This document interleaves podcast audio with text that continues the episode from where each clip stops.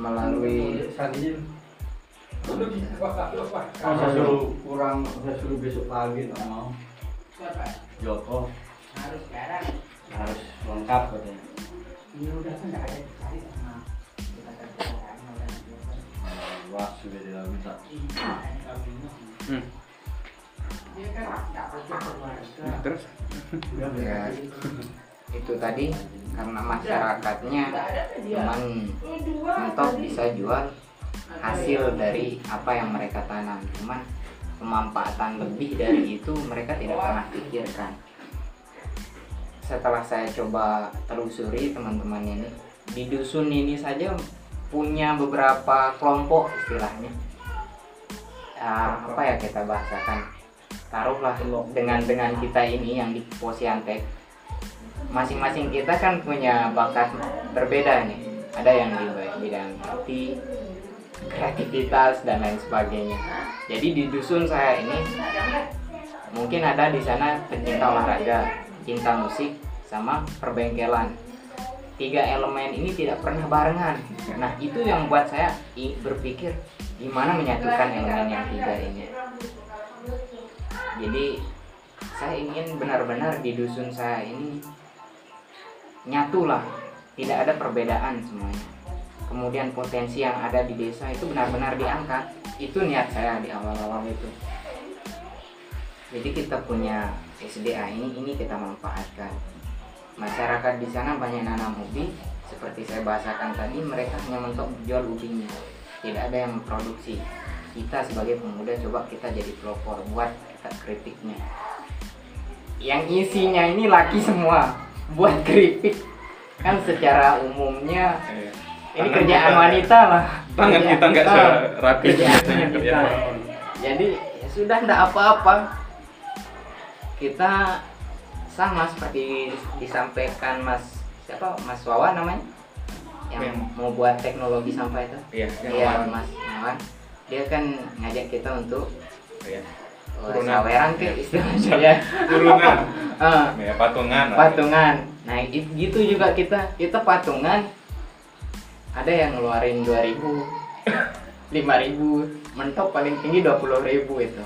Akhirnya kumpul dana sekitar 170.000 lah. Dalam waktu? Eh, sekitar satu minggu. Dengan kita berlima itu cuman kan yang 2000 tidak langsung sekali itu saja Eh, kapan ada? Kita keluarin keluarin keluarin. Seberapa yang ada. Kumpul segitu kita coba dah jalanin. Kalau nunggu banyak itu mungkin kita ndak jalan-jalan. Ke pasar ke pasar cari alat ini untuk pemotongnya itu. Kan kalau manual ya tangan kita ini bukan tangan pemotong lah istilahnya. Kita perlu alat khususnya. Kita beli. Awal kita beli dua.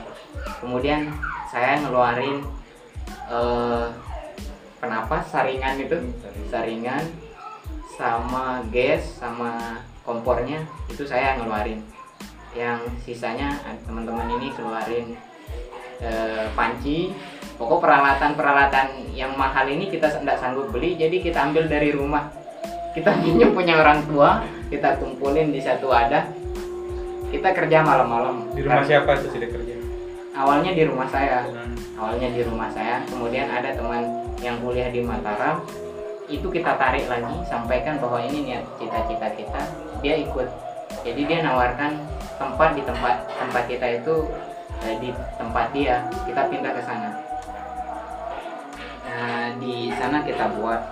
Alhamdulillah sebenarnya eh, itu laris lah. Laris. Peminatnya banyak sampai luar luar tembus de, luar desa lah. Luar desa itu kita sering tembus. Pernah jual sampai 50 pak. Habis semua itu. Cuman apa? Setelah itu lumayan berkembang. Nah, itulah watak orang dusun saya lah secara kecilnya. Mungkin kebanyak secara umumnya lombok ini. Kalau bahasa kita ndeku kita ndeku sadu. Jadi setelah lihat keberhasilan di produk ini banyak yang mau berkecimpung. Dengan banyaknya yang berkecimpung itu tentu kan yang namanya hitungan pekerjaan pastilah ada hasil paling enggak pastilah ada hasil. Jadi teman-teman yang sekian ini walaupun niat awalnya itu adalah ikhlas sedikit tidaknya ada yang dirasakan dari hasil kerja kerasnya ini. Gimana caranya sekarang? Jadi paling enggak yang tim pemasaran dapat sekian yang goreng dapat sekian. Kita bagi-bagi tugas. Setelah jalan dengan sistem yang seperti itu habis-habis terus. Untuk untuk kasnya itu nggak bisa masuk Iya. karena habis dengan pemutaran Oh, iya. gaji lah istilahnya. Operasional. Operasionalnya.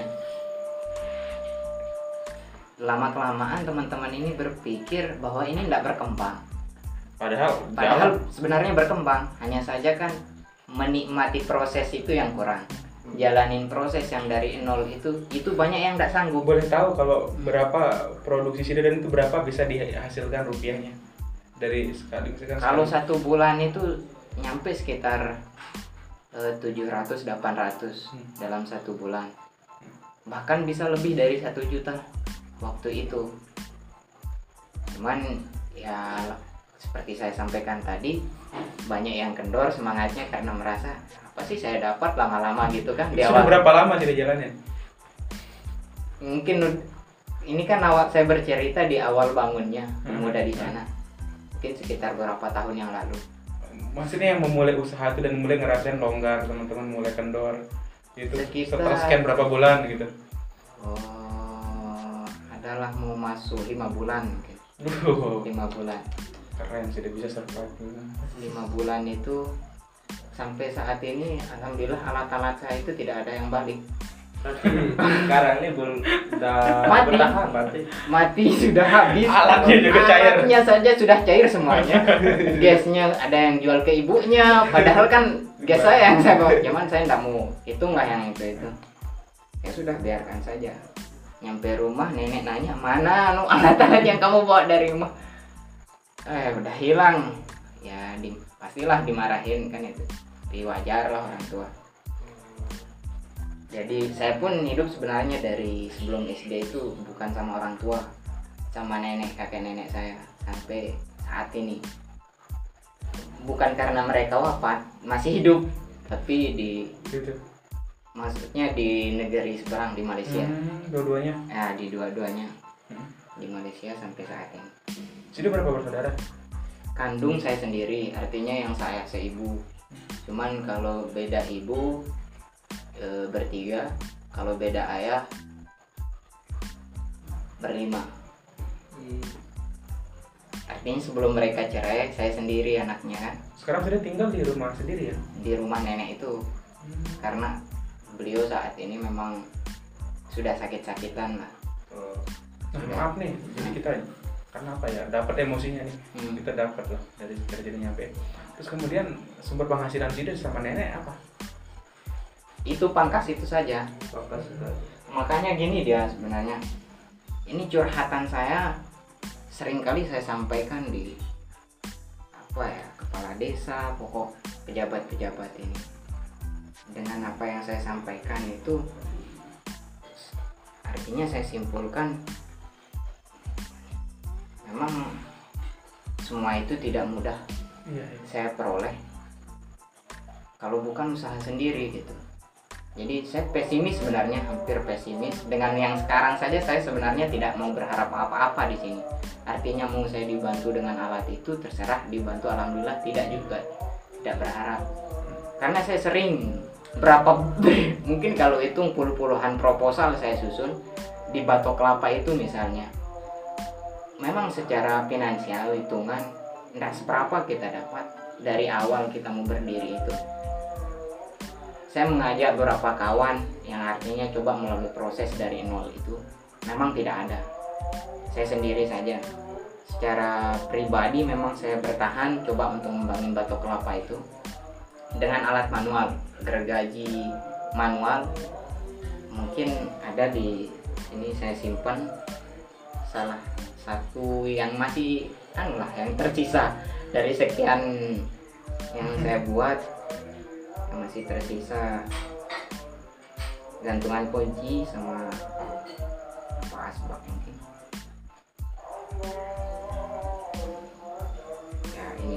Ini yang saya buat gantungan kunci. Ini kalau alat manual itu sehari baru jadi harga jualnya 10 sampai 15 ribu. Kalau itu saya pertahankan dengan kondisi saya yang sekarang kan tidak mencukupi. Betul betul. Terpaksa saya harus tinggalkan. Se- namun di dalam kalau ditanya saya masih ingin tidak di situ? Ingin sekali sebenarnya. Cuman kan keterbatasan dengan alat dan sebagainya itu. Semuanya saya kerjakan manual maka saya tidak mungkin terus bertahan mengembangkan itu sedangkan kebutuhan menuntut untuk lebih. Ya teknologi jadi paling tidak di pangkas ini yang saya pertahankan. Karena paling tidak saya bisa lah. Walaupun pas-pasan kadang kurang. Eh, kalau kita mau tanya lebih dalam sampai Sida bisa Sida kan kuliah ya? Ya kuliah dan keputusan Sida untuk menikah itu sudah kapan setelah Sida kuliah? Setelah kuliah itu keputusan menikah itu mul- tentunya mulai pemikiran kan tentunya melalui pemikiran. Ya dengan cerita saya yang tadi saya ingin ada kehidupan yang eh, ada perubahan di dalam kehidupan saya. Ada yang menuntut saya harus berpikir lebih keras apa apa hal yang kemajuan kemudian menjadi kemajuan saya sekiranya mungkin melalui menikah ini saya akan eh, berusaha lebih keras lagi. Atau bisa jadi ini jalan rizki saya mem- memperoleh pekerjaan yang lain. Karena memang saya pernah jadi operator sekolah ju- juga. Cuman di sekolah ya bisa dibilang sekolah merintis lah. Siswanya cuma enam orang di SMP sama di SDI saya saya operator sekolah sekaligus eh, ngajar. Cuman kalau hitung hitung lagi-lagi masalah hitungan berbicara guru tentu yang paling diutamakan kan keikhlasan. Namun di balik keikhlasan itu agak susah kalau bicara sekarang.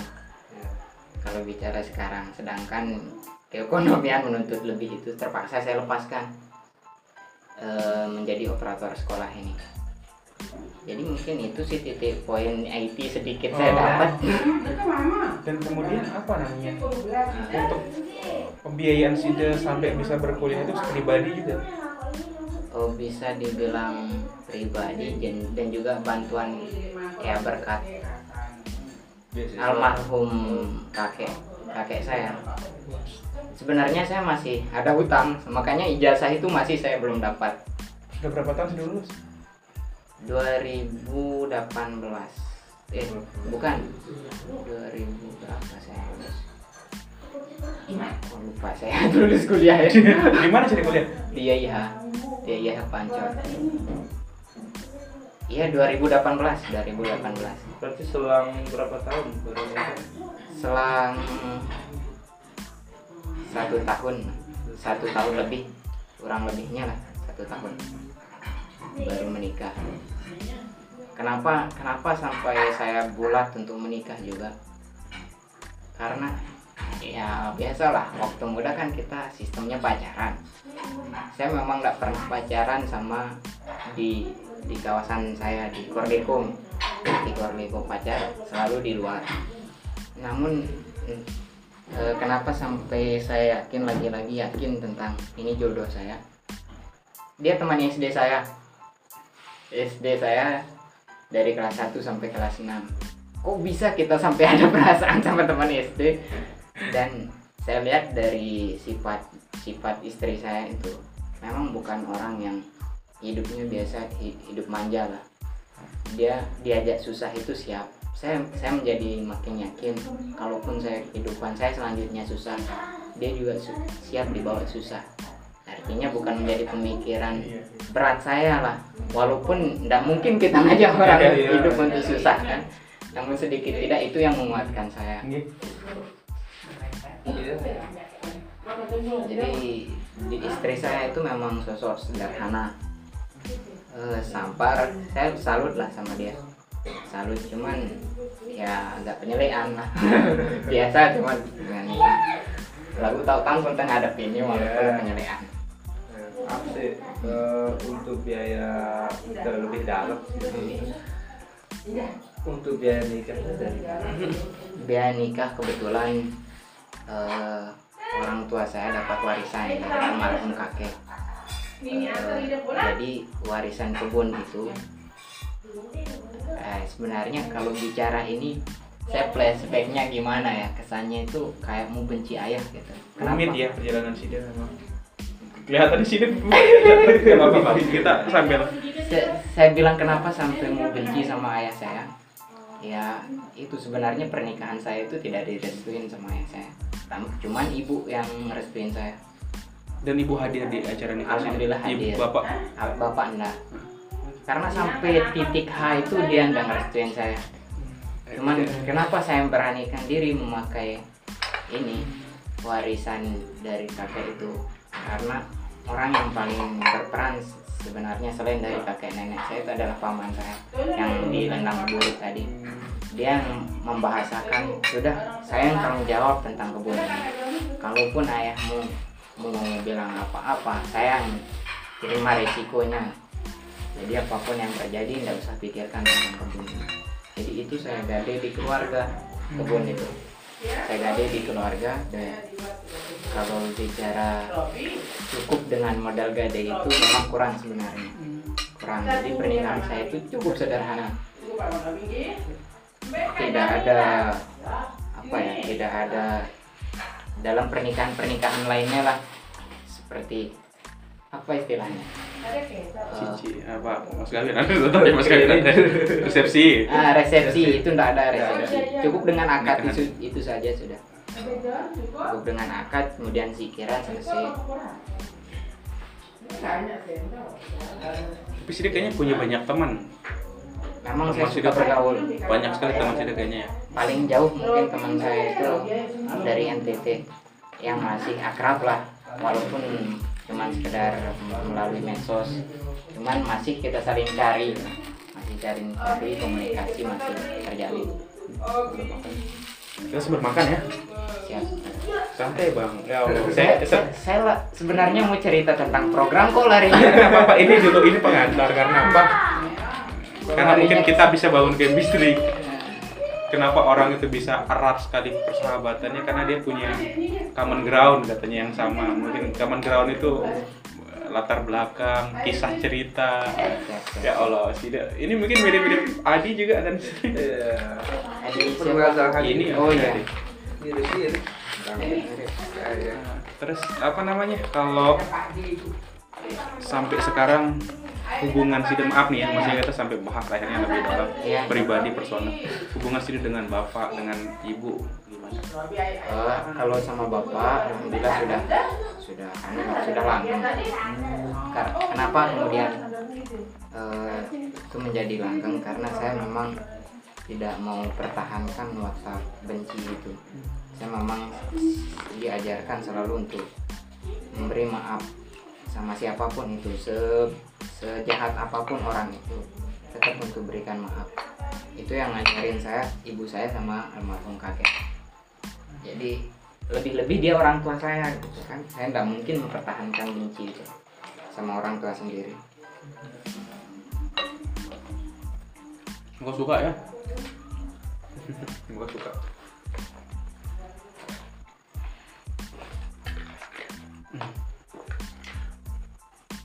Sida nikah muda berarti beberapa kesimpulannya pertama Sida hidup hanya dengan nenek kakek Eh, hidup eh, ya dibantu dengan kakek dengan ayah sehari-hari dengan nenek. kemudian paman sih paman Paman. Oh, banyak berperan ya paman sekarang tinggal di Lentang Berduri. Dia Lentang punya Berduri. usaha atau?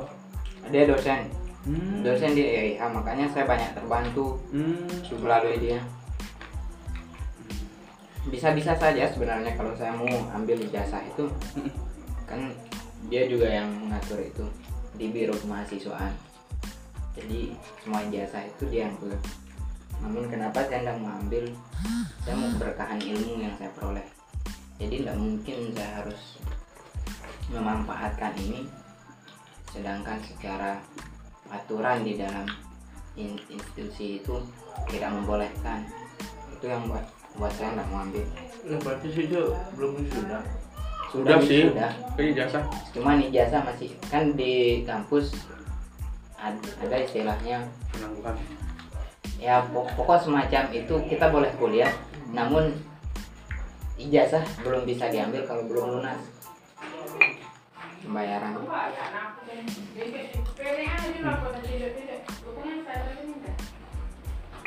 Kenapa enggak kerja di YIK aja? Sebelum ini juga sebelum Sida sampai sekarang fokus ke pangkasnya. Belum pernah ada tawaran kerja selain tadi operator. Mungkin kerja yang sudah ngerasa ini meyakinkan prospek nih kalau saya misalkan di pemerintahan atau di apa. Eh, memang kayaknya saya lebih ke pemerintahan semacam inilah.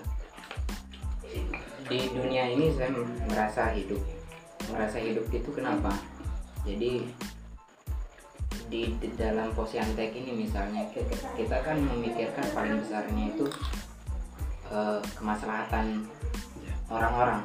Itu yang diutamakan. Dan itu yang saya suka juga di situ. Kalau bentuknya hanya memikirkan pribadi itu saya tidak nyaman dengan pekerjaan yang seperti itu. Selain kita bekerja namun bisa berbuat ke orang lain. Itu yang saya mau Hmm. Menarik cara pikir sih dan memang eh, kalau saya dapat refleksi itu ketika saya ketemu mentor, ada mentor. Dulu saya memang termasuk orang yang gimana ya kita mungkin kalau ketemu sama orang udah ngeliat ya berani berapa kayak begitulah langsung tuh ada poin masalah bisnis dia dia ingetin saya dia bilang. Ya seburuk-buruknya orang katanya.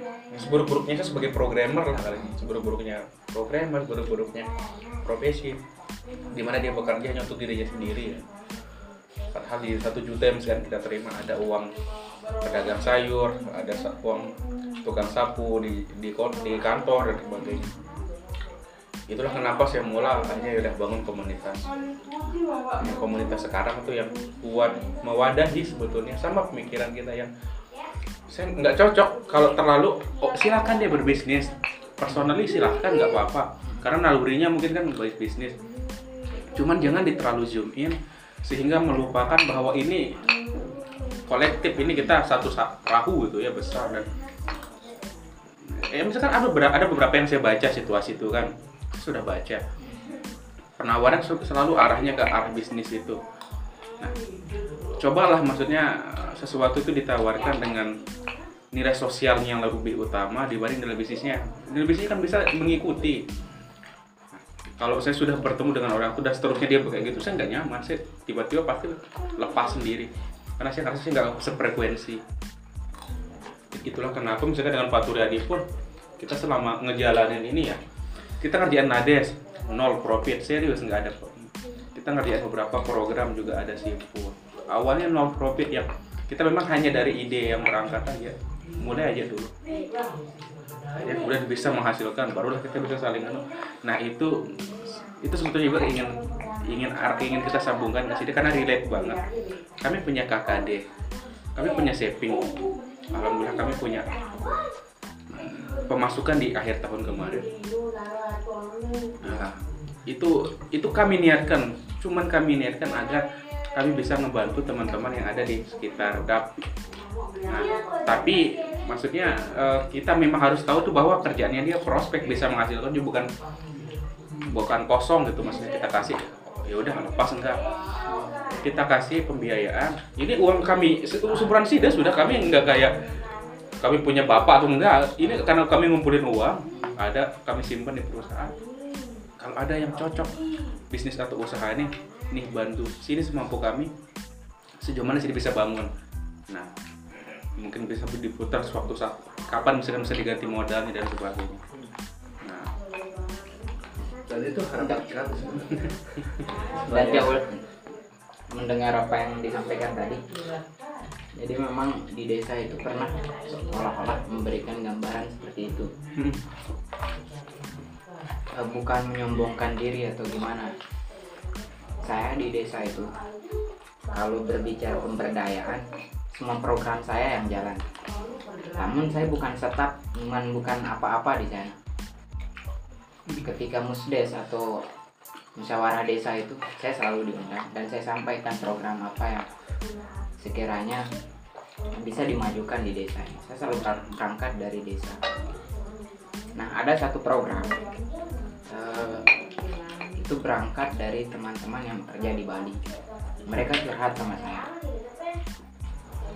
M- Melihat dari pekerjaan saya kan pangkas rambut. Kalau saya melihat pekerjaan saya itu bukan pekerjaan apa ya, bukan pekerjaan yang menghasilkan sekali. Cukup percaya diri ya. Hmm Sudah mencukupi. cukup cukup sudah tapi ba- banyak teman-teman yang kerja di luar ini seolah-olah iri lah pengen seperti saya bisa usaha sendiri di rumahnya oke saya saya maklumi lah dengan hal itu saya tawarkan dengan mereka kalau mau niat benar-benar berhenti di luar artinya mau mau bangun usaha di di rumah di desa.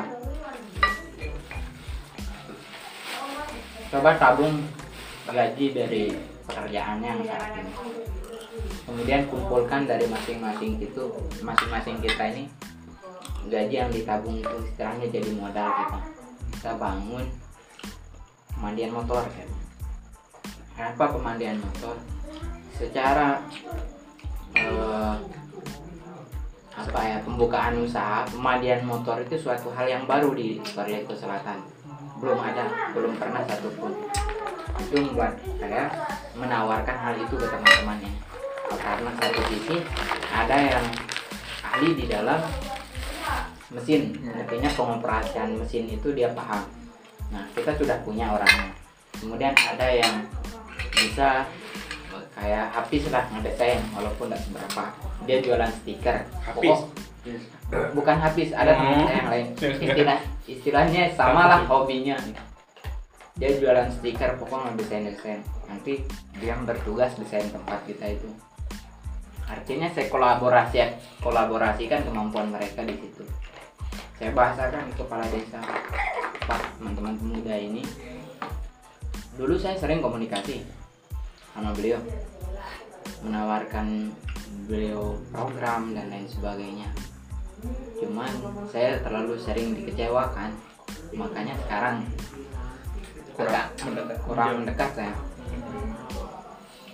jadi benar beliau sampaikan oke sebenarnya program ini juga ada rancangan dari desa. Tapi gini jangan teman-teman pemuda itu jangan putus harap. Biarkan desa yang membangun tempat itu. Namun pengelolaannya nanti teman-teman pemuda ini. Oke sudah. Nggak apa-apa. Benar dibangun tempat itu. Dan proposal yang digunakan adalah pemuda yang kami bentuk di dusun itu. Bukan karang tarunanya. Pemuda yang di dusun kami itu stempelnya sampai diambil di desa itu yang selalu digunakan untuk menyairkan dana-dana itu. Sampai jadi proposalnya itu tidak sekali dua kali turun dananya sampai beberapa kali. Setelah jadi bentuknya tidak layak untuk jadi pemandian lebih tepatnya untuk jadi toko. Akhirnya eh, tempat itu tidak tidak jadi untuk pemandian motor. Kita dipindah alihkan lokasinya. Cuman diberi alat. Diberi alat kemudian diberi modal sama bumdes cuman cuman di sini yang membuat teman-teman ini bisa dikatakan kecewa yaitu tadi. Dari awal kita sudah dijanjikan tempat ini. Kalaupun misalkan ini tidak layak untuk jadi pemandian tidaknya janjinya untuk pengelola bahwa pemuda yang mengelola itu yang ditepati. Cuman enggak yang ambil alih bangunan itu sekarang bumdes. Bumdes yang pegang. Jadi teman-teman yang mau bangun itu tadi pemandian motor itu tadi syukur-syukur ada satu kawan yang mau menawarkan lokasinya sendiri rumahnya sendiri. Sudah pakai saja rumah saya enggak apa-apa. Pakai itu diberi modal satu juta kalau nggak salah cuman di sana saya saya kurang suka itu bentuk penekanan pembedaan tidak ada bedanya teman-teman ini minjam di bank istilahnya. Dengan di tempat ini.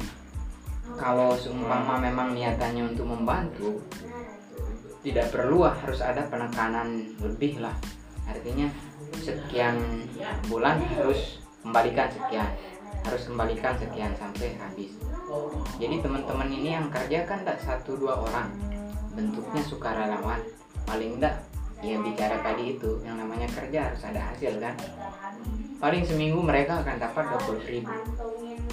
Kalau ada tawaran lain misalnya untuk jadi peladen bangunan tentu tetap mereka akan pilih itu dan tinggalkan pekerjaan ini karena lebih menghasilkan. Jadi pro- pemandian motor itu tidak jalan lagi karena dituntut untuk mengembalikan modal tadi. Jadi hasil yang selain dari pengembalian modal itu yang mereka bagi. Jadi kan tidak seberapa. Makanya sampai saat ini macet dia pemandian motor ini. Sebelumnya rame atau? Rame. Tapi kan mirip-mirip yang tadi keripik gitu karena tidak ada hasil yang mer- merasa mereka peroleh lah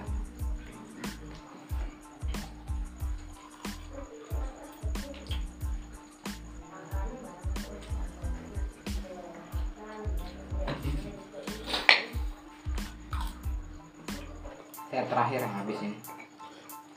Saya emang makan cepet.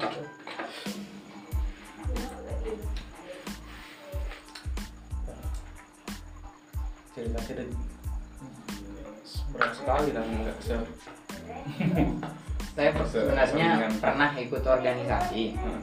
cuman heran juga kenapa sampai dianggap ikut di organisasi itu.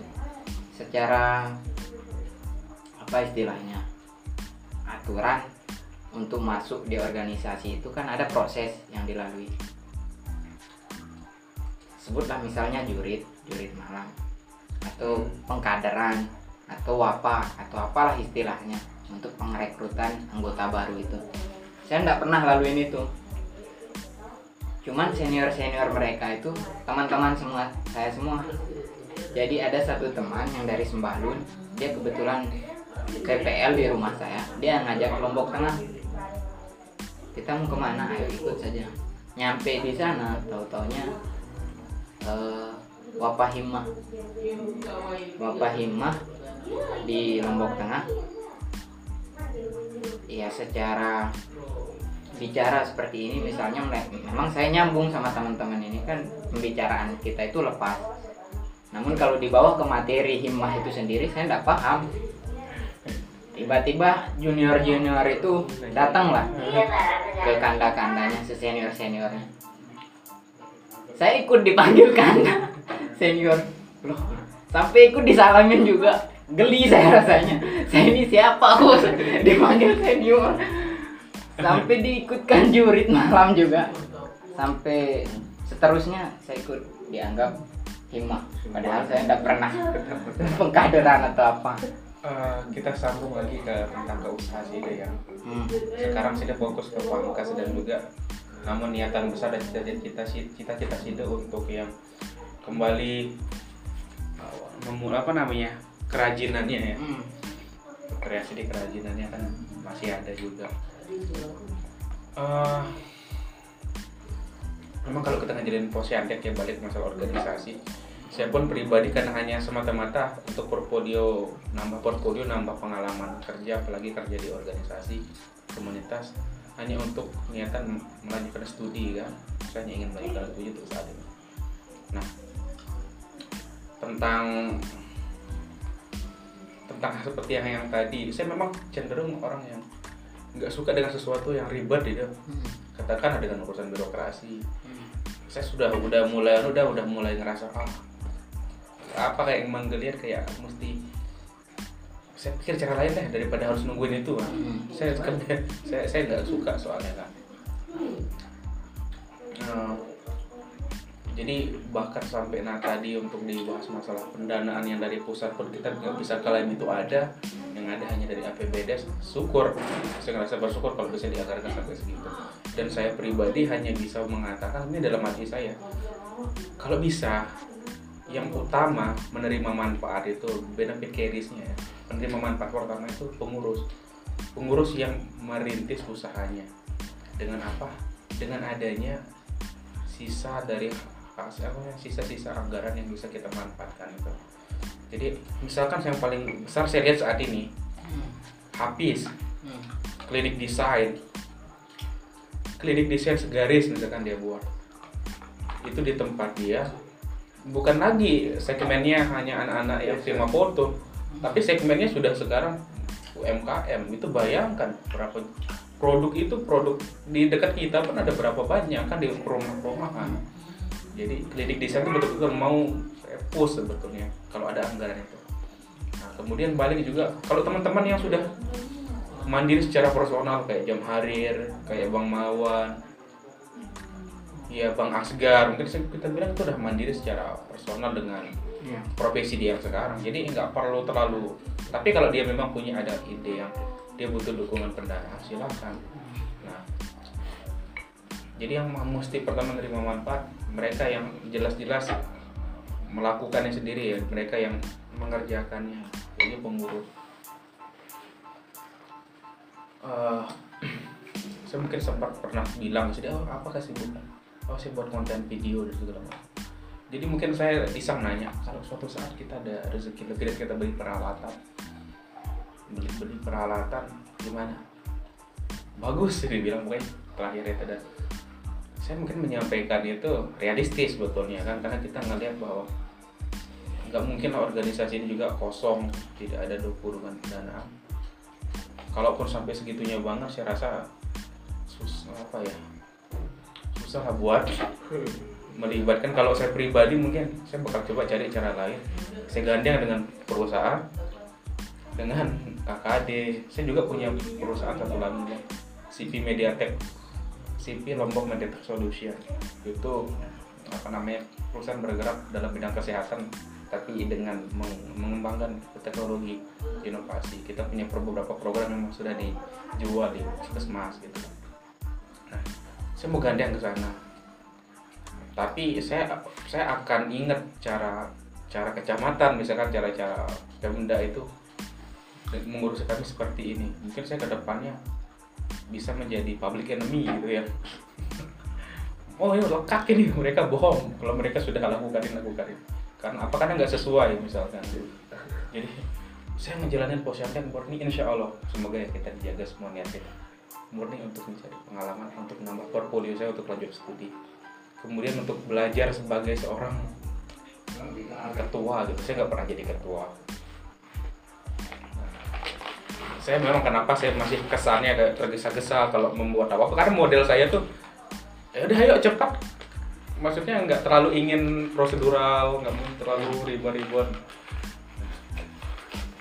jadi kalau andai kata itu balik nanti ketika kita sudah ada rezeki lebih dari ini pun organisasi ini pun tidak mesti memang jangan dengan ragu jangan seolah-olah kayak kita sama dengan situasi yang ada di desa. Mungkin kita sudah baca pengalaman sida sudah dengar harapan sida ya terbuka lah ketika ke depan sida ingin melibatkan teman-teman. Sida mau aktifkan lagi dan sida butuh modal kita akan buat transparansi mungkin lah untuk organisasi ini ketika ada kebutuhan pengurus silahkan nih ada uang yang bisa digunakan mungkin sedikit ini Pak Ketua.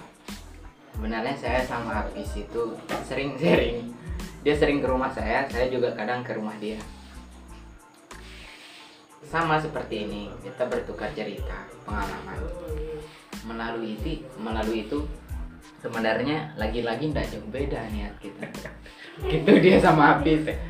Jadi secara apa ya taruhlah kita berdua saja gitu yang ngobrol di luar daripada posyantek nah, gimana kita gabung aja Korliko ini karena pada dasarnya kan Korliko itu satu sebelum pemekaran kita dua orang kita bergerak eh, pertama di dalam ini hanya pemikiran kecil kami saja lah kita mau cari mana potensi-potensi seperti saya sampaikan tadi. Jadi saya keliling di Korlego Selatan dulu mencari potensi yang ada di sana. Potensi yang tadi itu bentuk kerjasamanya nanti mereka gratis taruh eh, apa istilahnya produknya itu eh, di tempat kita. Secara kecilnya itu di marketplace Facebook lah misalnya.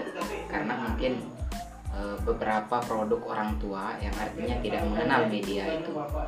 kita yang bantu foto post di medsos itu. Namun nanti ketika barangnya ada permintaan atau apa tetap dia yang kita hubungin barang Cide ini loh ditawar sekian.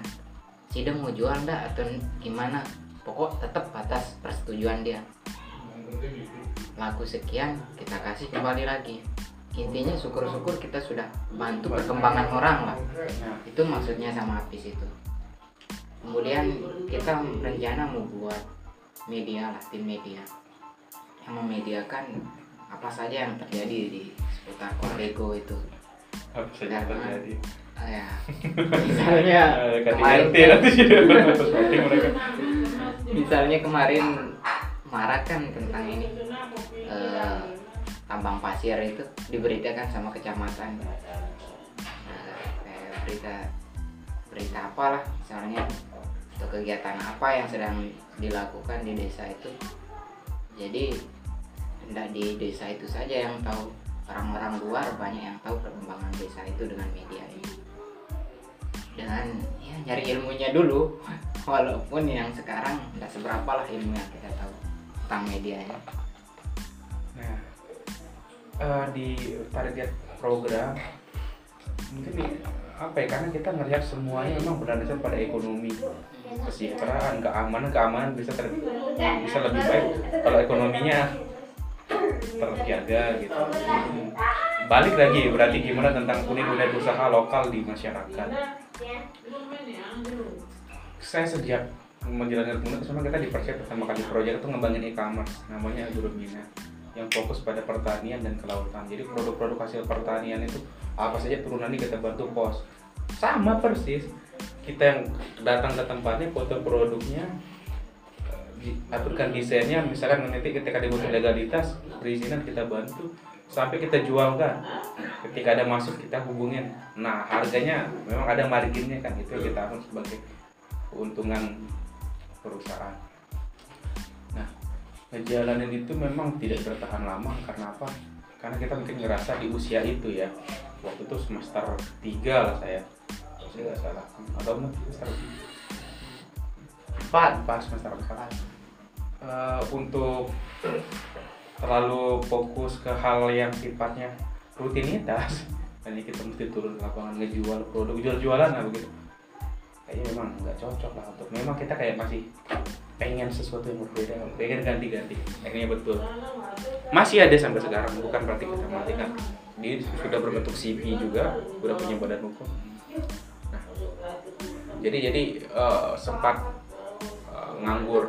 Sampai sekarang kita hidupkan lagi tapi dengan kita rencanakan dengan bentuk yang makanya kita buat namanya. Sebetulnya lades itu super saya pikirkan ini buat nebus angan saya nggak bisa saya selesaikan di agromina nih jadi lades itu jadi sama teman-teman kita kerjakan sampai sekarang masih digunakan. Tadi kan dicek juga sama Pak Kasih. Nah kalau keberadaannya lades sudah ada dan bisa kita hadirkan buat pengusaha lokal ya seperti tempat sida tadi kerajinan sida jadi sudah tercover semuanya. Sudah masuk ke dalam sana. Dan kemudian itu ada lanjutan ketika produk itu mengalami peningkatan. Peningkatan quality kemudian juga peningkatan masalah legalitas hingga pemasarannya juga lebih baik. Itu akan bisa masuk nanti ke dinas dinas provinsi misalkan untuk yang bagian perdagangan. Bisa dapat izin ekspor sampai ke sana lah kita pikirkannya jadi itu kita siapkan pun Lades ini untuk dapat masuk ke Posyantek dengan harapan bisa menyebarkan lebih luas. Nah, saya memang angkat di situ kan di dalam program kerja itu ada namanya direct selling e-commerce lah. Itu Lades di dalamnya. Ada juga satu lagi mungkin e-commerce yang sifatnya bisa lebih fleksi. Fleksibelnya adalah produk-produk ini masuk, produk-produk lokal itu masuk, hanya eh, orang yang berbelanja akan terhubung secara langsung dengan pembeli, sorry dengan pedagang melalui WhatsApp. Jadi ini produknya dia tek sekian jumlah produk yang dia mau beli, sekian totalnya dia take out, ketika dia check out tagihannya masuk ke WhatsApp pedagang. Jadi dia juga ke, langsung cetak dengan pedagang. Nah, jadi tidak ada transaksi di dalam e-commerce-nya. Jadi dengan harapan biar mereka juga tetap ada kan kalau sudah menyimpan kontak biasanya ada repeat order biasanya kan orang nyimpannya daripada harus buka e-commerce pesan aja langsung WhatsApp gitu. Nah itu yang saya rencanakan kenapa saya sebut direct selling. Nah eh, dan tahapannya memang setelah kita dapat beberapa data-data usaha lokal itu setelah mungkin sekian lama lah itu kan target saya bilang target 6 bulan itu. Itu ada.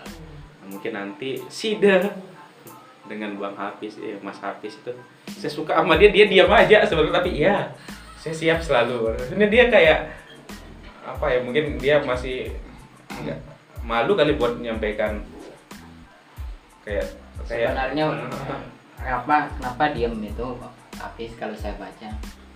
Jadi apa yang mau disampaikan itu sudah ada yang mewakili yang Hmm. menyampaikan aspirasinya itu. Jadi seolah-olah ya saya nggak perlu bicara lagi karena sudah tersampaikan tinggal gimana kerjakan makanya iya sudah iya Oh, keren saya bilang. Saya sering ikuti. Dia kan berteman di story. Apa dia kerjain yang kita. Itu kenapa teman-teman kayak gitu saya ngelihat sesuatu cep yang menyegarkan di kayak di Hafiz itu. Cemerlang lah kita lihat. Kenapa hanya tinggal dikasih kesempatan. Perbedaannya misalkan ada orang yang sukses di satu tempat ini dengan eh, dengan apa yang dia punya dengan satu lagi nggak sukses tentang kesempatan sih mikirnya kan. Jadi kalau ada lebih lagi balik dari rezeki, kenapa nggak kalau klinik desain itu atas nama desainnya dia, dia yang kelola. Maksudnya karena kita percaya dia internal kita, begitu nggak perlu kita percaya orang lain lagi. Nanti dia libatkan siapa yang dia mau turun-turunkan sebagai anggotanya dari desa dia atau mungkin dia nanti bentuk di per desa setelah dia mampu buat di desanya. Silakan tapi saya ngerasa saya punya harapan di dia begitu, di habis itu. Nah, kalau dia kalau Sida mungkin saya karena ngerasa Sida itu sosialnya itu tinggi dan apa ya sosial kemasyarakatan dan juga vokal lah cukup vokal. Jadi apa-apa kita aman saya ngerasa. Jadi kalau kita misalkan masuk ke satu desa aman lah kalau ada Sida masuk, masuk sudah.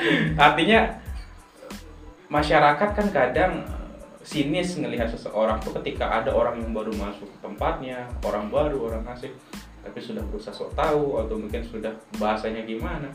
Kalau cara penyampaian sini ya apa ya? Memang- ada berlebihan ada. Biasa aja biasanya tapi bikin betah begitu kan. Sampai ada teman saya dari Sumbawa sempat sebelum saya nikah itu hampir dua tahun dia sama saya. Dan bisa dibilang kalau 100% kayaknya enggak sih. 98 lah 98% kenal sama teman saya. Jadi sama dia itu seolah-olah udah saudara udah semeton lah. Kalau dia datang itu ramai sudah orang datang yuk kapan pulang kapan pulang sebenarnya dia dirindukan. Karena lama sudah di tempat saya itu. Sama yang teman yang agak pertatuan macam ada juga saya kenal. Saya tidak pilih-pilih memang. Artinya tidak pilih itu dalam artian walaupun dia pertatuan misalnya kan secara penglihatan kasar kita ya orang ini nakal ini mabuk macam dan lain sebagainya tapi sebenarnya enggak orangnya baik. Dia tahu di mana posisikan dirinya besar. Makanya melalui dia rencana saya dalam bonsai kelapa itu dia kan sopir bolak balik lombok bali melalui dia saya mau kembangkan bonsai kelapa itu ke Bali. Artinya mau nyari pemasok lah. Apa yang tidak masih merasa kurang di bonsai ini kalau di bonsai sebenarnya bicara alat misalnya kan bicara alat itu tidak terlalu banyak alat yang dibutuhkan.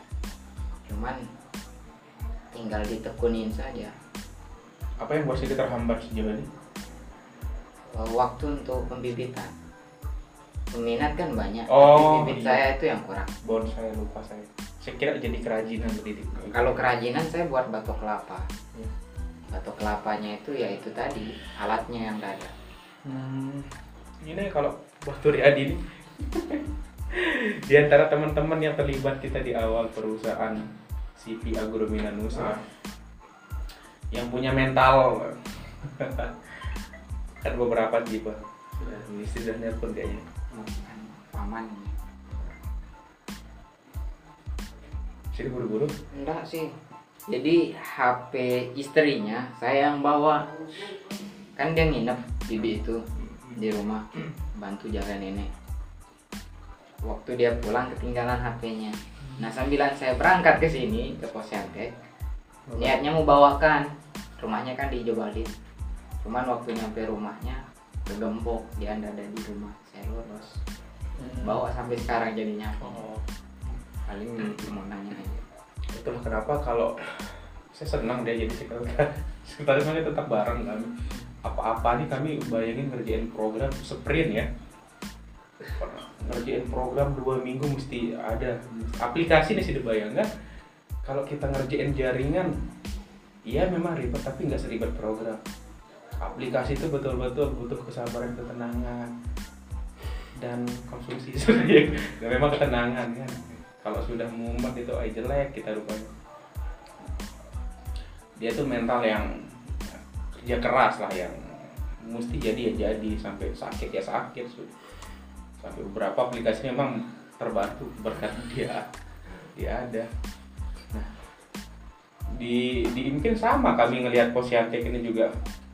Sekedar tempat anu karena maaf ya bukannya kita bermaksud sombong kalau menghasilkan insya Allah kita ada tiga perusahaan itu. Kan mungkin mungkin pernah kalau baca story yang saya saya pernah nulis tentang tiga refleksi saya di dalam di 2020 saya mampu menghadirkan menelurkan tiga perusahaan rintisan tiga perusahaan yang kita punya dan alhamdulillah ada hasil dari dua perusahaan ini.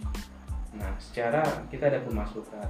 Jadi kalau melihat posyantek ini udah tinggal ngembangin saya ngembangin skill leadership misalkan speaking aku tadi juga sama itulah kenapa kalau saya kadang khawatir banget kalau kita lagi ngumpul ada Pak Segar Sida yang ya senior lah gitu ya. saya anak usia 21 tahun dan rasanya kesannya kayak gimana ya. Semoga mereka nggak berpikir ke sana Saya sebenarnya yang paling merasa kayak ada apa ada ada apa-apa di sana apa sih kemampuan saya di sini? Saya bilang. Kalau kita berpikir itu lu biasa ya kayaknya iya ini eh, coba cerita nih. Iya. Aduh apa namanya? Kalau cerita sampai kita berkurang bermanfaat itu mungkin saya ya. Kalau uh, apa namanya? Karena apa ya, eh, pengetahuan saya tentang teknologi mungkin yang lebih paham lebih menonjol itu Ari tapi kepercayaan itu yang diberikan justru saya jadi tanggung jawab. Jadinya direktur dia. Eh, ini ini maksudnya apa? Ini maksudnya apa? Dan di posyandu ini juga saya tidak diusulkan oleh kelurahan iya. Enggak itu kan sudah pasti tahu. Ini eh, hari ngajak saya. Di teh kanding kecamatan. Teh kan tahu gitu kan kalau udah ada motor saya hanya diajak dan saya antar tuh. kemudian dari sana tiba-tiba ditanyakan udah tidak dengar kan penyampaian penyampaian tiba-tiba ada dari Suryawahi yang sudah diutus saya kejut. Oh udah ada tiba-tiba di jadi sekretaris juga kan. Ini tanggung jawab yang juga besar. Jadi sebenarnya berproses itu penting sebenarnya. Ah, menurut saya ini eh, kesempatan untuk kita sama-sama belajar gitu.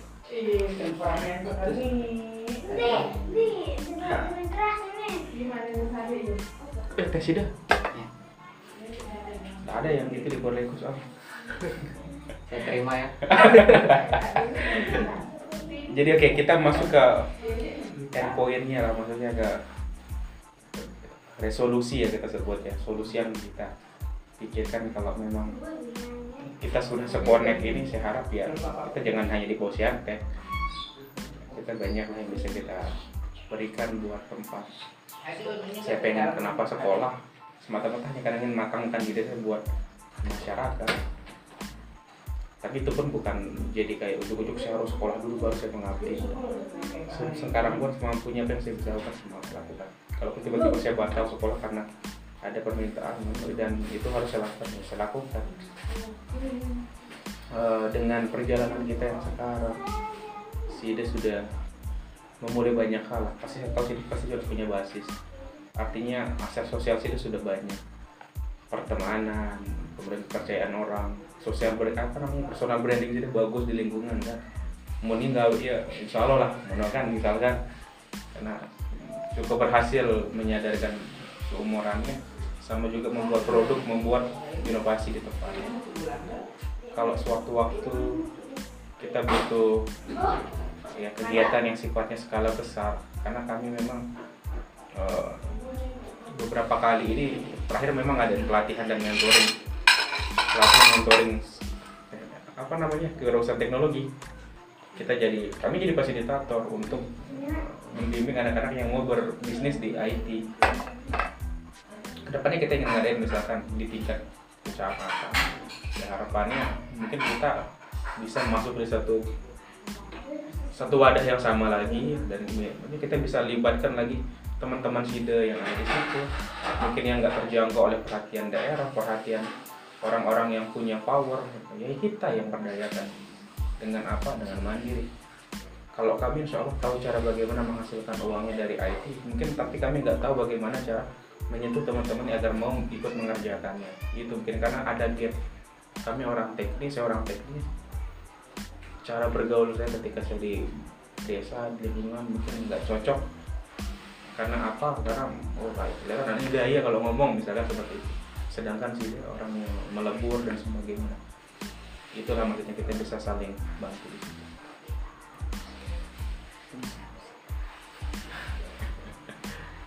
jadi melalui ini memang niat saya tadi kan itu tadi mau bantu potensi tadi untuk dalam pemasaran IT tapi apa yang perlu diribetkan tinggal melalui lades itu saja. Iya itu ada nanti kita misalkan buat begini. Agar ini menarik dan bisa Korleko juga mesti punya branding kita rasakan. Punya maksudnya satu ciri khas. Kalau dulu saya tahu bahkan dia sampai jeruk Bali di situ ada ya.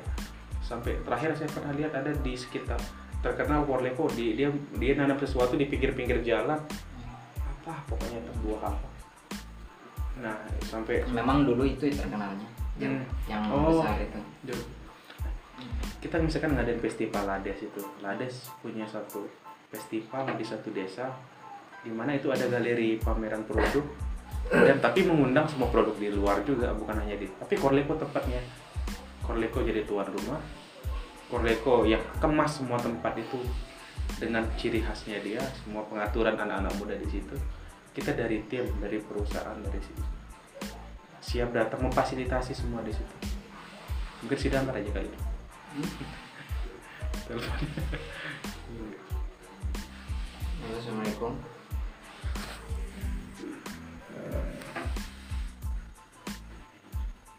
Nilai Tanjung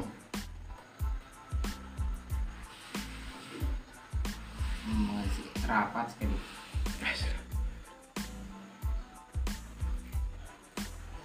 bendera Siantek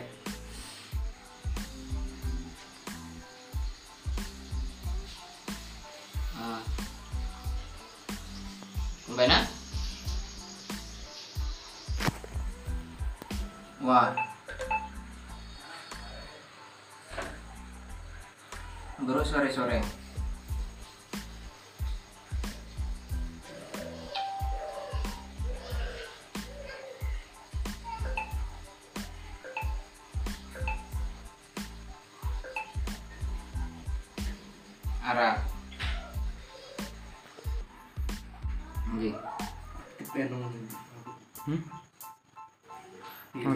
Nggih. Nah.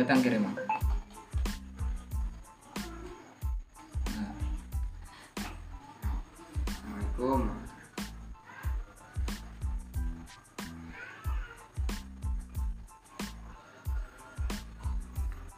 Nah, itu kan mau mulai nge-branding tempat yang memang apa ya yang ingin kita buat dia spesial spesial gitu kita belum pernah ngadain festival juga. Kita belum mungkin nanti eh, kami bisa melibatkan eh, teman-teman misalkan videografi yang bisa nanti buat videonya dan kemudian juga eh, teman-teman dari media memang kebetulan ada media juga. Itu bisa meliput bisa membuat mendokumentasikan. Dan yang penting memang produk yang di situ terangkat jadinya juga kan tuan rumah Perleko mungkin nanti dikemas. Memang itu sih juga niat ke depannya sama Hafiz kemarin. Nah, kita mau buat festival semacam itulah. Jadi segala potensi yang ada di sini itu semuanya dituangkan di sana. Jadi sejauh mana sih se- sebanyak apa sebesar apa potensi-potensi yang ada di Korleko ini? Jadi melalui fe- festival itu jadi orang-orang juga oh, ternyata Korleko punya potensi Gitu. saya berpikir demikian karena ya semenjak di sini ternyata di kita ini di Posyantek ini banyak potensi yang tersembunyi artinya selama ini orang-orang tidak tahu lah tidak duga-duga di Lombok Timur ternyata banyak potensi yang sebutlah kayak misalnya program ini sebelumnya saya tidak pernah berpikir bahwa ada di sini di Lombok Timur ini. Lebih-lebih di Labuan secara kecilnya. Ternyata banyak potensi yang ada. Sekarang saya mau mau cari tahu sebenarnya seberapa banyak lagi potensi yang ada. Kerucut lagi ke desa di desa saya itu secara kecil apa saja sih potensinya jadi itu yang empat. Kami mau buat ke depan. Dan melalui ini acaranya akan semakin lebih spesial. Lebih besar gitu. Kan. cuman mohon maaf dalam komunikasi sama kepala desa. Eh, saat-saat ini mungkin saya tidak langsung melalui dia. Eh, ada istilahnya tangan kanannya lah. Tangan kanannya melalui dia saya mau sampaikan apa-apa niatan kita itu. Karena dia orang dekat dan kepercayaannya dia. Kalau dia yang menyampaikan ke sana langsung juga besar kemungkinan ini akan realisir. Luar biasa namanya politik kepala desa ini saya baru-baru kemarin mungkin di sana beberapa kali Pak Lurah ke sini Eh, saya alhamdulillah mungkin sampai dapat pemuda pelopor itu selong yang saya angkat Hmm. karena jarang bergaul kalau katakan sekali lagi saya kurang tertarik kalau memang berurusannya itu ribet dengan saya pernah tawarin beberapa memang kan program inovasi buat kelurahan. Ketika dia bilang kita mesti tunggu anggaran ya jadi kayak sesuatu itu semua terbatas hanya tentang anggaran. Kalau dia mau dia bisa keluarkan uang sendiri. Atau enggak patungan aja saya begitu. Asal di ACC ide itu dia dia mulai. Nah itu yang saya ngerasa saya cocok saya lama menghilang berapa kali ke sini. Kalau saya pribadi ingin di lingkungan di tempat saya eh, karena saya ngerasa bahwa pendidikan itu luar biasa pentingnya.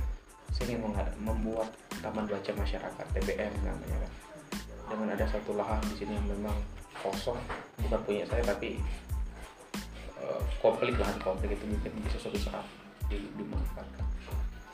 Kemudian apa yang saya lakukan saya selain dia menjadi sebuah perpustakaan untuk masyarakat juga menyediakan tempat anak-anak yang berkreasi tentang teknologi.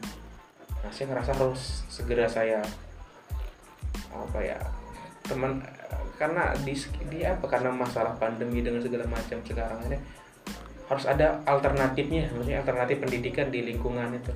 Sekolah sudah jarang misalkan untuk bertatap muka. Online nggak efektif rasanya. Anak-anak mulai tertular TikTok dan ngerasain malasnya mulai. Pokoknya hal yang semacam itu butuh alternatif kita mikirkan taman baca masyarakat kemudian kita bisa ngajarin bahasa Inggris misalkan tentang robotik misalkan robotika sama anak-anak itu apalagi ini mainan yang dia senangin. Nih bergerak tangannya itu yang saya harapkan besar sekali. Sama satu lagi panel surya. Dua rumah yang saya tahu di depan dan di belakang. Rumah saya ini masih menggunakan listrik cantol dan di mana juga rumahnya gubuk kita katakan gubuk kecil yang dia mesti memang harus bayar meskipun dia cantol nah, padahal panel surya itu bisa dimanfaatkan. Luar biasa manfaatnya. Gak pernah habis sinar matahari hanya tinggal kapan mungkin momentumnya ya saya tunggu kapan momentumnya saya bisa lakukan itu. Itu kalau target saya di lingkungan di lingkungan saya pribadi.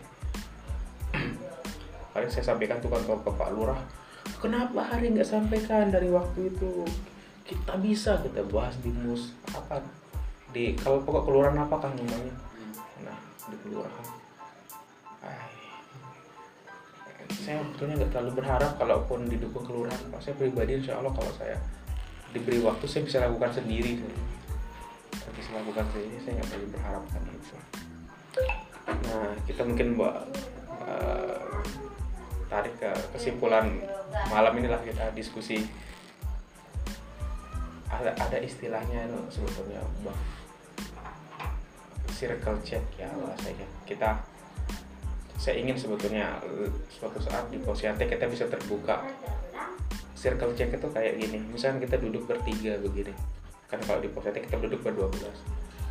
Ketika saya sebagai ketua saat ini saya rasa semua perjalanan saya nggak akan pernah mbak. Maksudnya nggak akan pernah baik di di mata orang.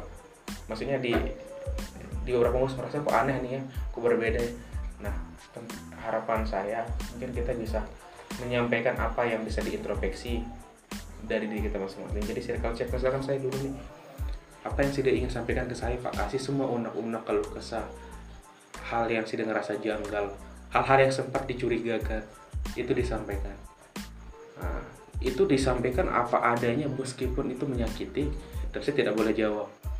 Dan itu bergilir setelah Sida Pak Turyadi. Setelah semua dapat tinggal giliran Sida misalkan oh Pak kasih saya ngerasa Sida begini-begini. nah saya pengen budayakan itu kita di sana nanti. Mungkin di sini juga kita bisa gimana? Apa yang sih mungkin ada yang sudah ingin sampaikan dulu ke saya? Ya nanya saling jaga lah. Ya saling jaga. Yang mungkin sudah ingin sampaikan dulu ke saya. Sejauh ini belum. Ada sejauh ini. Sejauh ini belum ada yang bisa saya introspeksikan Ah, oke. masih kita masih memulai ya. Nah harapannya begitu nanti agar agar kita bisa sama-sama saling menjaga.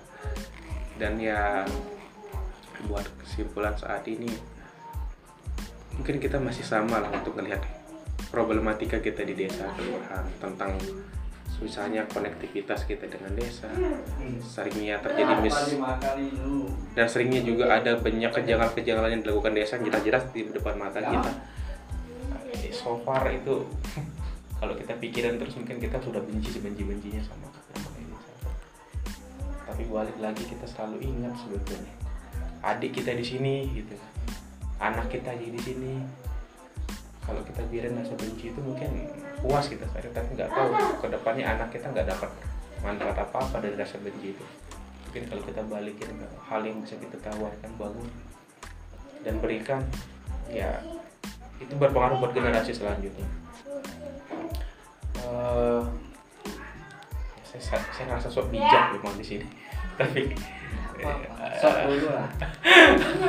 Tapi ini memang kayak menyampaikan sesuatu yang ngejanggal ngejanggal ngejanggal gitu.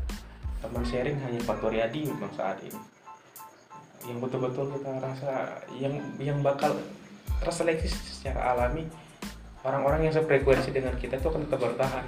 Tapi orang-orang yang nggak sefrekuensi dengan sendirinya akan pergi. Ya dengan Pak Turyadi dan beberapa teman yang saya masih saya masih bertahan jaga komitmen jaga idealisme kita. Meskipun kita ngerasa bahwa kita muda mau kaya raya mau ber- mau jalan-jalan mau beli ini itu kita rasain juga tetap idealisme kita ngelihat orang yang lebih butuh dan kita belum kenapa nggak pas pada dulu ke sana dan seterusnya. Dan ya sebelum saya menginjak usia 40 tahun kan di bukunya bilang juga sebetulnya hidup. Sebagian besar hidup itu dimulai dari 4 umur 40 kan. Rasulullah kenapa diangkat jadi Rasul? Nabi Musa ketika dia jadi Nabi dan ngerana tugas yang besar dan sebagainya. 40 setelah usia 40 tahun. Ya setelah 40 tahun mungkin kita bakal fokus kan Ya, lebih ke arahnya. Personal keluarga sebelum ya sekarang ini ya kayak begini sudah.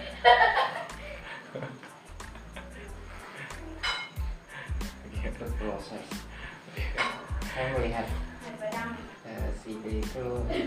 Ada satu teman saya. Lagi saat ini dia mencari jati dirinya di luar. Di luar memang curhat atau apalah istilahnya problem yang dialami. Selalu cerita ke saya.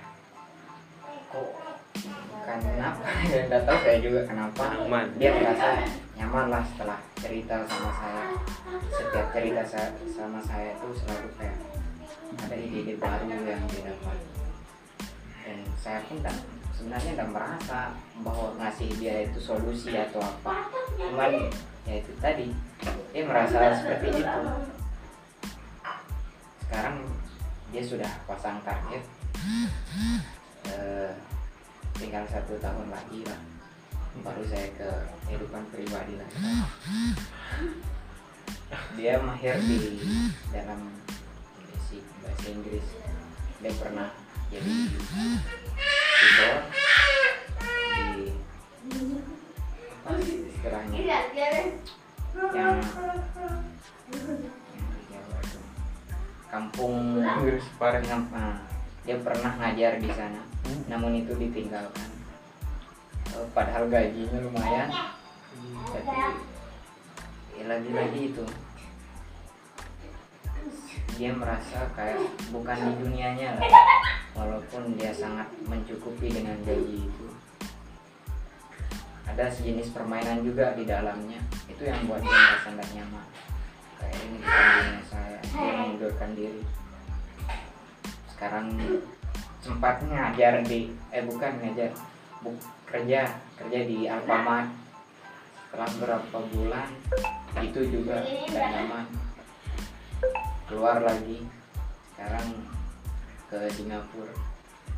Kerja sebagai perbaiki AC basicnya memang bahasa Inggris benar yang saya salut dari dia itu tekun.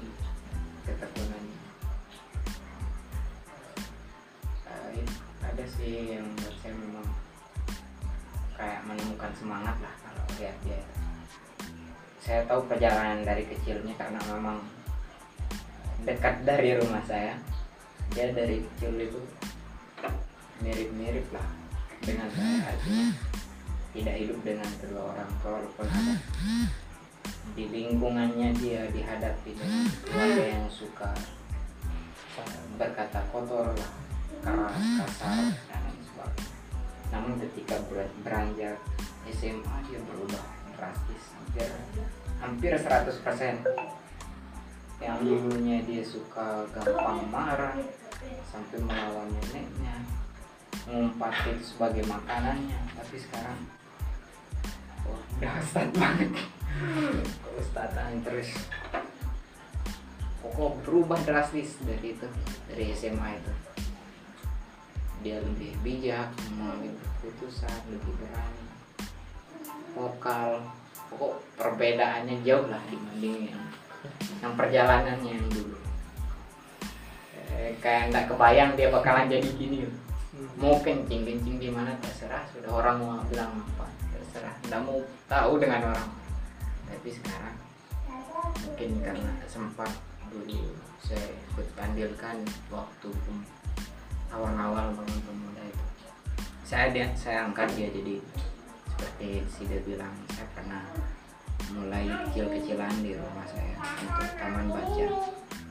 Cuman kenapa itu mati waktu itu? Karena saya KKN kemudian yang menghandle tempat itu untuk melanjutkan belum ada yang terbiasa belum bisa. Hanya eh, bubar. Lah dia saya tugasin mengajar bahasa Inggris kemudian ada teman yang saya bilang tadi itu yang di Sumbawa dia bis, memang mendalimi Al-Quran. Dia dia yang tugasnya ngajar Al-Quran. Dan ada yang bertugas di bahasa Arab. Saya taruh di sana. Jadi kita bangun taman baca itu bareng-bareng. Secara pribadi dia menyampaikan melalui itu saya sebenarnya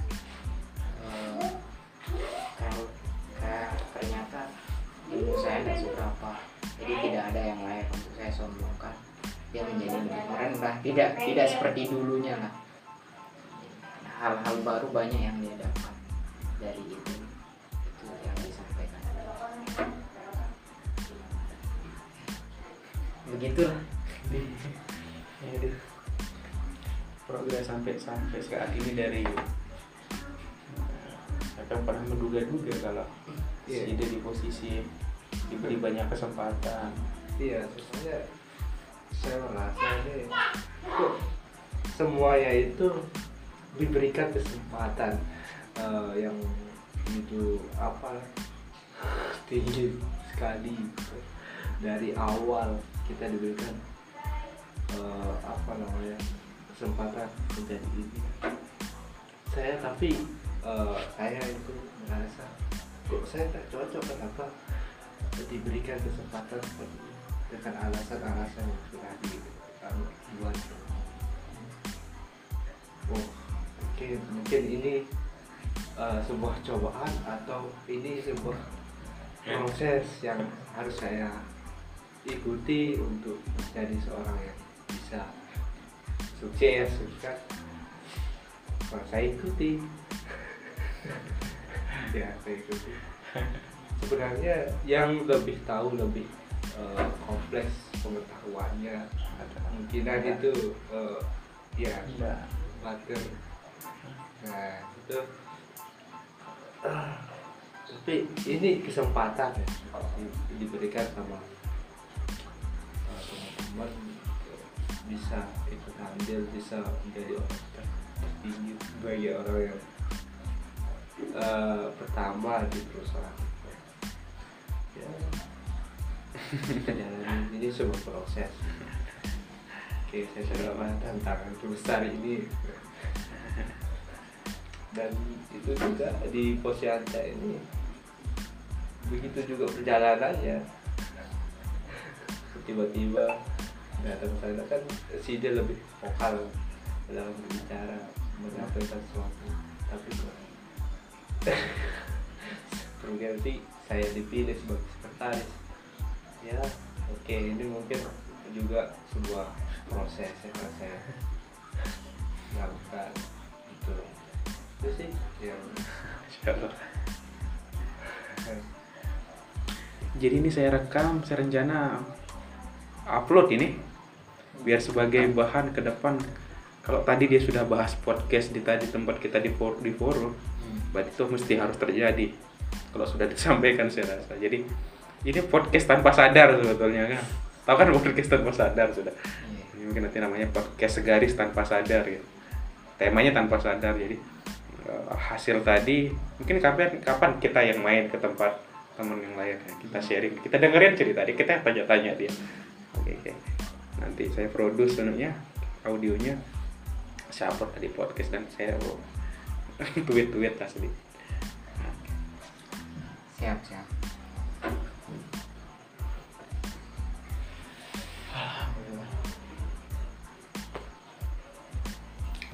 Jadi sekarang kesibukan lebih ke anu aja ya ke pangkas aja ya. Sebenarnya untuk prioritas eh, ya dibilang pangkas bisa dibilang tak juga bisa. Kenapa? Karena ketika ada tawaran ini apa misalnya saya saya juga ikut kadang-kadang buruh bangunan kalau ada yang nawarin saya ikut. Kalau ada yang ngajak eh, naik apa istilahnya kalau bahasa saya itu naik bete buruh bata lah. Laden. nah, laden itu kan ke bangunan tapi buruh bata itu kita ngambil dari produknya naikin ke truknya terus antar ke pemesannya sebenarnya apa aja tawaran? Saya juga ngelas. Jadi kemarin paman itu juga minta ini ada besi yang kayaknya udah manfaatin ayo buatkan kita apa misalnya di sini di sini dah cek. Jadi saya pinjem las orang tua temen itu. Saya buatkan standing board Hmm. jadi paman itu itu saya buatkan. Ada sih contohnya yang saya buat di sini. Saya buatkan standing board udah lama setelah saya buatkan paman itu kok bisa nyampe cerita saya ngelas itu ke temen? Dia minta dibuatkan gerobak. Gerobak eh, dia bisa untuk jualan jualan keliling pakai motor. Saya buatkan tiba-tiba disuruh perbaiki gerbang gerbang. Saya nggak pernah nanganin gerbang saya bilang. Nah lagi-lagi tantangan baru ini. Alat-alat dan lain sebagainya. Saya kan sebenarnya serba ndak ada. Misal ngelas ini anda punya mesin las tapi saya ada saya kenal yang punya itu saya pinjem Masih ada rencana anu nggak sama teman-teman desa? Buat usaha yang butuh gerobak nggak ada gerobak soalnya. Gerobak gerobak gerobak besi gerobak anu stainless. Hmm, di sini teman itu buat. Mungkin nanti saya yang bicarakan kalau mesti dibayar berapa. Kalau ya nggak apa-apa biar nanti kita atur. saya coba komunikasi. Coba komunikasi ya. Hmm, ini gerobak besar sih kita bilang. Iya. Dia sudah ada lampu macam dia udah buat listrik macam instalasinya.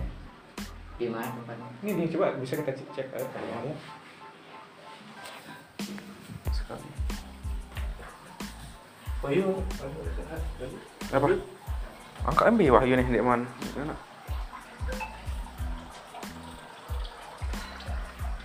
sangat kita cek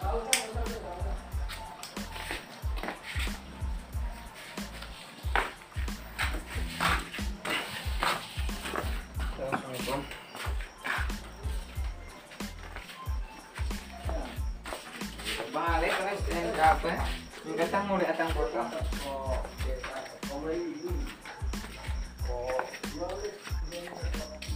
Ini juta.